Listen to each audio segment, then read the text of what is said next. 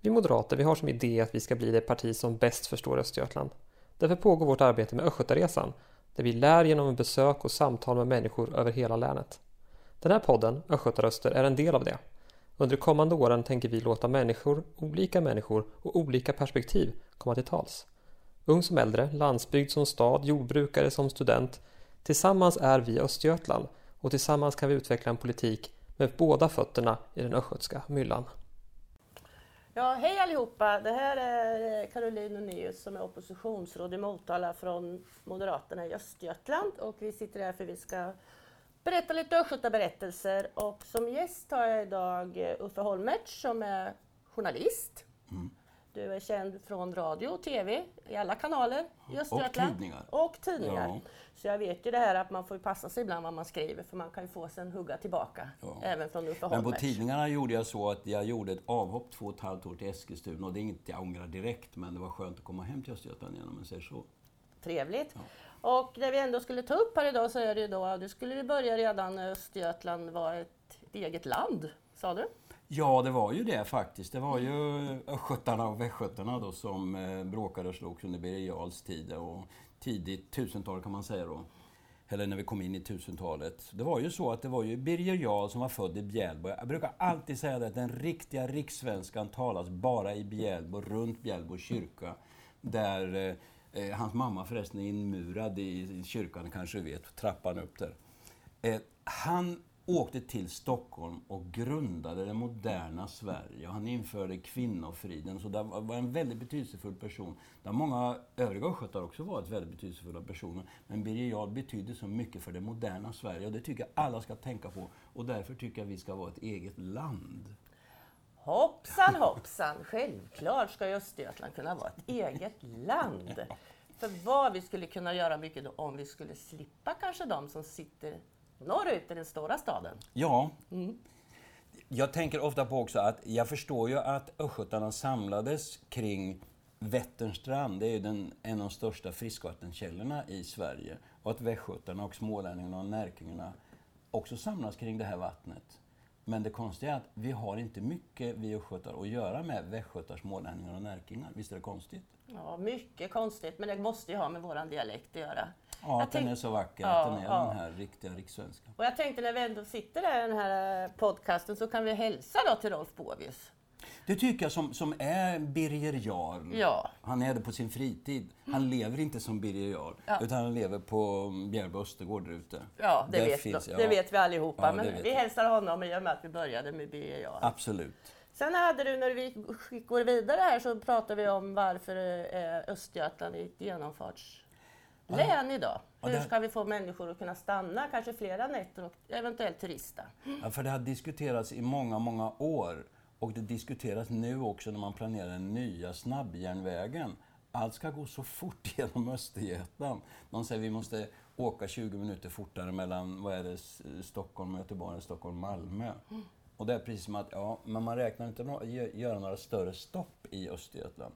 Och det förvånar mig då att vi satsar så fruktansvärt många miljarder på det här.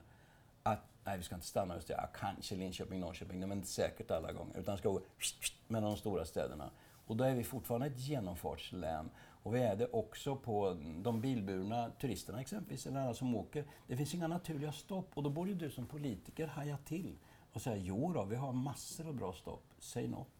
Jo, framförallt tycker jag vi ska väl ägna, hänvisa oss till Motala då och hoppas att vi får ett fantastiskt stopp där med eh, planeringarna då för mm. Lalandia som är i detaljplanefas nu i Då gör ni ett bra arbete. Motala kommun. Mm. Ja. ja, det blir någonting att sätta på kartan mm. i, framtiden, det här Lalandia. Absolut. Ja. Och sen tänkte jag att vi kanske skulle sticka ut lite mer. Vi kanske vill vara ett eget land. Vi kanske skulle ha tullar här då, runt. Ja, men det kommer det att bli tror jag. Ja. Jag tror framtiden kommer att bli så att alla län kommer att ha tullar. Ja. Ungefär som i USA eller ja, många ja. andra länder ja. kommer till. Man har vägtullar.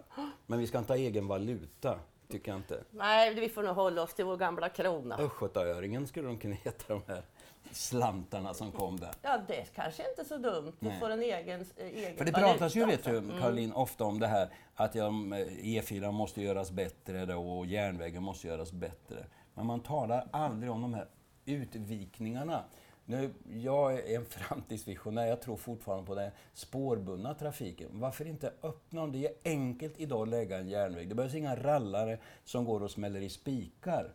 Öppna en järnväg mellan Motala och exempelvis Linköping. Absolut. Direkt. Vi har jättefina kommunikationer med Örebro. Men ska vi från Motala åka till Linköping, får vi åka till Mjölby först och det skrattar man ju inte ihjäl sig åt. Och man åker åt fel håll, nästan ner till Tranås. Och så stå där och vänta en liten stund. Det är ju ingen historisk upplevelse det heller i och för sig. Och sen får vi åka till Linköping. ja, så ser det ut just nu. Men däremot, Ja, just det. det man skulle kunna göra, det är att ha en ägglift mellan Linköping och Motala. Det vore inte fel det heller, för vi är ju störst äggproducenter tror jag i hela Sverige. Ja. I just Ja. Östergötland. Och det är jag väldigt glad åt. Jag har varit och tittat på några jättestora anläggningar precis utanför Linköping. Och jag måste säga att där ligger de verkligen i framkant. Det är otroligt vad mycket höns det finns här. Ja, Östergötland är väl det länet i, eh, som nu, som vi ser i egna landet, har väl flest fjäderfä egentligen i hela Sverige. Det, ja, det är så. På, per yta eller per Ja, invånare. och det är väldigt miljövänligt tänk inom äggbranschen. Det var det inte för några år sedan. Jag har varit med och plockat höns, så jag vet hur eländigt de har haft i de här burarna för många år sedan. Jag har också varit med och plockat Ja. mycket höns i min dag. Ja. Och det gjorde man ju också för att tjäna lite pengar till Ja, föreningar och så vidare. Ja. Ja. Men sånt finns ju inte idag utan det här, ja, det är ju stora firmor som tar hand om sånt här idag. Mm. Men jag tänkte på en sån här, vi går tillbaka till den där äggliften som jag funderar på, men den skulle man egentligen kunna ha mellan stationen Motala ut till Lalandia. Ja, det vore alldeles En perfekt. sån. Mm. Ja, och det skulle ju lösa väldigt många kommunikationsproblem. För det är ju det många Motarabor pratar om, det har du ju säkert hört också som politiker. Var ska all trafik ta vägen? Vad ska vi göra av alla bilar? Om det ska komma 15 000 om dagen räknar man med då, som ska komma till. Och Vi säger att de färdas då i, ska vi säga 5-6 000 bilar. Vad gör man av dem? Ja, det har ju ni räknat på förstås. Självklart, det finns ju med i detaljplaneprocessen nu, att hur man ska kunna ta emot all trafik. Men, och man vet ju att 98 procent av all turism kommer ju faktiskt med bil. Ja, Det är så mm, idag. ja. Men skulle man kanske få dem att komma med eh, kollektivtrafik istället och det är enkelt att då kunna ta sig. Visst. Det kan ju bli som att, det vet inte du om, men förr i tiden så gick det alltså badtåg från Örebro till Motala. Och det gick ifrån Mjölby-Skänninge till Motala till någonting som heter Frebergabadet. Jaha. Inte det Freberga du tänker på, utan nej. det som ligger i Motala. Då. Ja. Det gick det badtåg ifrån båda håll där. Och en del utav de här som kom från Örebro ville åka till Varamon och då gick det speciella bussar ut till Varamon ner från centralstation. Så det är egentligen inget nytt utan det är bara att ta upp det här igen. Och Örebro har ingen naturlig badplats som vi har. Vi har ju norra Europas största playa. Ska vi skryta med det? Det ska vi skryta med, absolut. Och det är fantastiskt vackert ute i Varamon. Mm. Men det här måste ju bli en, egentligen en bra synergieffekt, eller en dominoeffekt för näringslivet att Absolut. kunna tänka på det här. Ja, absolut. Att de borde tänka på det där. Ja. Med infran alltihopa som ska vara runt det här. Så det tror jag fortfarande på att det skulle kunna gå sådana här badtåg. För om nu Lalandia kommer och Lalandia landar i Motala, det blir elegant, så tror jag att det här med Varamoviken kommer att byggas ut. För det är en fruktansvärt vacker lagun. Jag var där ute och gick igår senast.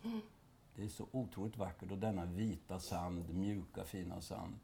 Inga stenar. Jag var en niss för ett tag, nu får man gå och balansera ut med Medelhavet. Det är bara sten, sten, sten. Med mjuka gåstenar i.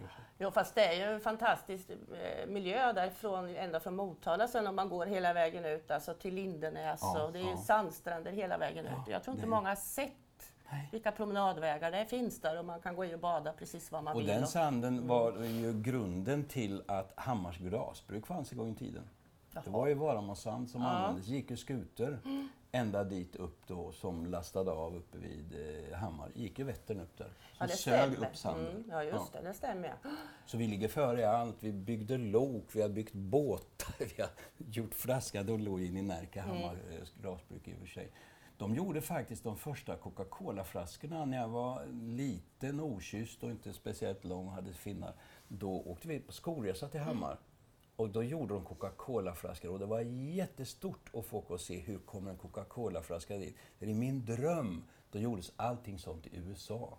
Och då gjorde man det i Motala. Det jag utanför mot i alla fall i Hammar. Och jag Ja, trodde också att de här stora Coca-Cola-boxarna, vet man stoppade i något mynt, några cent vad det var. Och sen kunde man sparka på en plåt så hoppade upp en Coca-Cola-flaska. Det såg jag i en film som hette Love Letters in the Sand med Pat Boone. Han gjorde den där. Sen fick jag se när jag kom upp och, och tittade, pappa var på Electrolux, de gjordes i Motala. Och så fanns det en stor glass, eller ett glassbolag i USA som heter Walls Ice Cream. De gjordes också i Motala.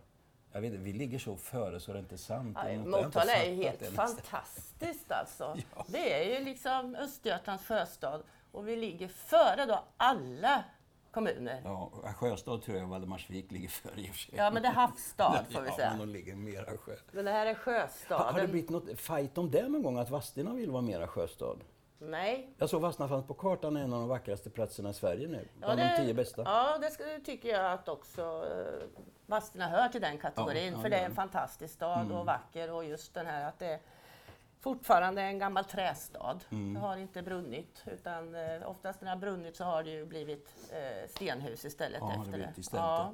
Men det är många som har frågat sig mot den nu när Lalandia kommer om vi ska börja prata danska också, men det är väl inte sant? va? Jo, men vi är väl internationella i vårt eget land Ja, Östergötland? det är vi ju. Ja. Vi har ju en speciell dialekt i Motala också. Ja. Det kanske du inte har tänkt på, vi har många olika dialekter i länet här.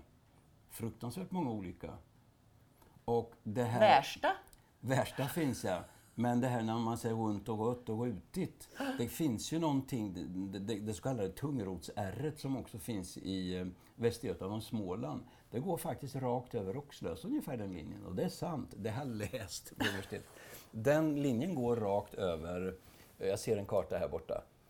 Ja, vi har vi har ju vårt land här nu ja, på Ja, det är, kartan. det är vårt Ja, land, det är mm, Östergötland. Och det kan man ju då säga runt och gott och rutigt. Och nju. Och Oxlösa. Och nju säger man väl i Norrköping? ja, precis det säger man. Skjut säger man också. Skjut. Ja, sju. Man kan inte säga sju.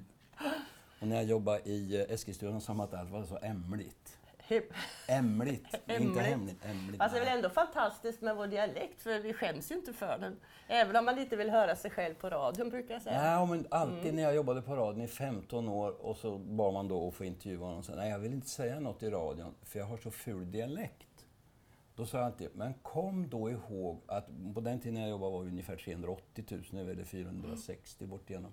Då sa jag, det finns bara 380 000 som kan prata den här dialekten och förstå den på rätt sätt i hela världen. Och det är vi. Och det är ju vi som bor i det här länet. Jag menar, när man kommer utanför länet så, så lär man sig älska sin dialekt. När jag jobbade i Eskilstuna och var uppe i Parken så gjorde ett jobb en gång. Vi skulle göra hur många sockerkakor man fick av ett EMU-ägg, du vet den där lilla strutsen. Det var sånt där förnedrande uppdrag. EMU Då åkte ägg. EMU-ägg heter det. Ja, jag skojar bara med mig. EMU-ägg. Och då gjorde vi sockerkakor av den. Och så när, vi, när jag var där uppe, då hade jag jobbat i 14 dagar i sträck för att få mycket ledighet och kunna åka hem till Vadstena där jag bodde då.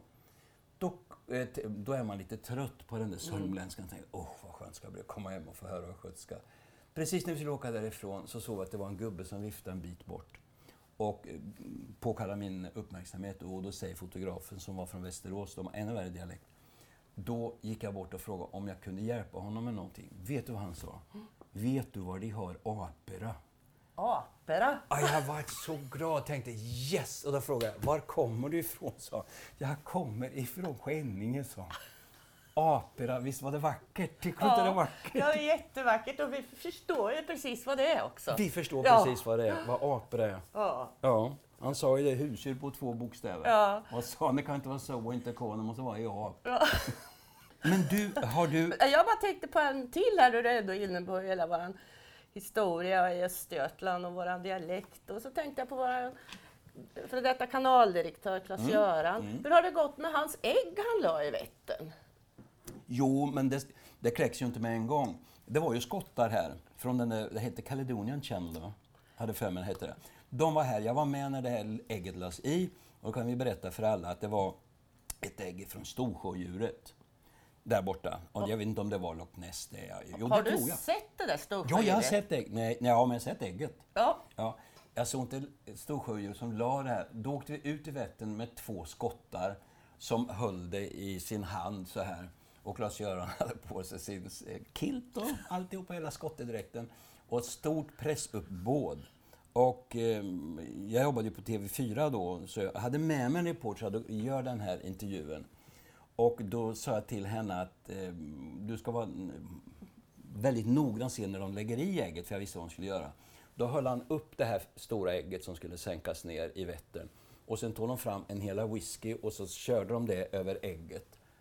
Och Klaras ägget då? Ja, ägget då kan ju blivit fullt. Så här, du, måste, du måste fråga, säger jag, vad, varför de gör så här. Och då frågade hon den skotten som höll ägget, varför häller ni whisky på det här? Så han, vi häller whisky på allt. Så. Hopp. så det var svaret. Det var lite missbruk Så det ligger alltså. strax ja. utanför, ja vad ska man säga? Vad heter udden som går ut? Ja, det ligger strax utanför Motala i alla fall. Och det, Klas-Göran räknade då med att det skulle kunna ta 10 till 15 år. Det är nog precis, det är synd att Klas-Göran gått bort. Ja. För jag tror han skulle kunna åkalla. Och han gjorde en fantastisk sak när han eh, hade lagt i det här ägget. Då byggde han ett utsiktstorn i hamnen i Motala. Där stod det att här kan ni gå upp sån, och titta i kikaren här om ni ser storsjödjuret. Utav hundra personer hade fyra sett det tycker jag var bra. Det var nog inte kläckt. Var det lördagkväll sent då, eller? När man hade sett det? Nej, men han var fantastisk både som människa och politiker. Ja. Ja, han har hjälpt mig i många, många ja. ärenden. Ja, vi, vi har hjälpt varandra också. Göran, verkligen. Ja, det gör vi. Ja, många som gör det var tillsammans en, en stor människa också. Så, så var det med det storsjödjuret som ska komma i Vättern. Och det kommer väl, det blir en stor turistattraktion. Det tror jag också. Och den skulle vi egentligen i Motala börja marknadsföra nu. Lite mer tycker jag. Att det finns. Att den ägget finns. är sänkt där ute. Ja. Och du kan ju ta hit skottarna igen och fråga hur gick det? Ja. De ta med sig whisky. Och du, vet, och du vet ju var det ligger någonstans. Jag vet exakt var det ligger. Ja. Utanför Sandby heter det, som ja. ligger rakt ute. Mm. Där ute. Så punkten är utsatt där ute också. Mm. Och lite längre bort ligger den här eh, Erik Nordvall, båten. Ligger okay. på botten där. Den ligger där också. Som står mm, rakt upp och mm. ner på, på botten där. Så jag tycker vi ska kämpa för att få fler att flytta ut från städerna. Jag tycker inte om urbaniseringen, får jag säga det så här Nej, på slutet? Absolut, för att det var ju det vi diskuterade lite om innan, här, ja. urbaniseringen. Hur, eh, hur underlättar vi för människor att bo på landsbygden? Ja, hur fördelar man graserna brukar ja. jag tänka. På något sätt måste vi fördela de här graserna. Alla säger, jag vill ha jag vill bo på landet för att mina barn ska få en trygg uppväxt. Sen hinner de bara bli 18 år så ska de till ett universitet där de stannar i den staden sen som regel. Mm. Och sen när de bildar familj, då vill de ut. Så det, jag vet inte hur man ska få den här dragspelseffekten att fungera riktigt.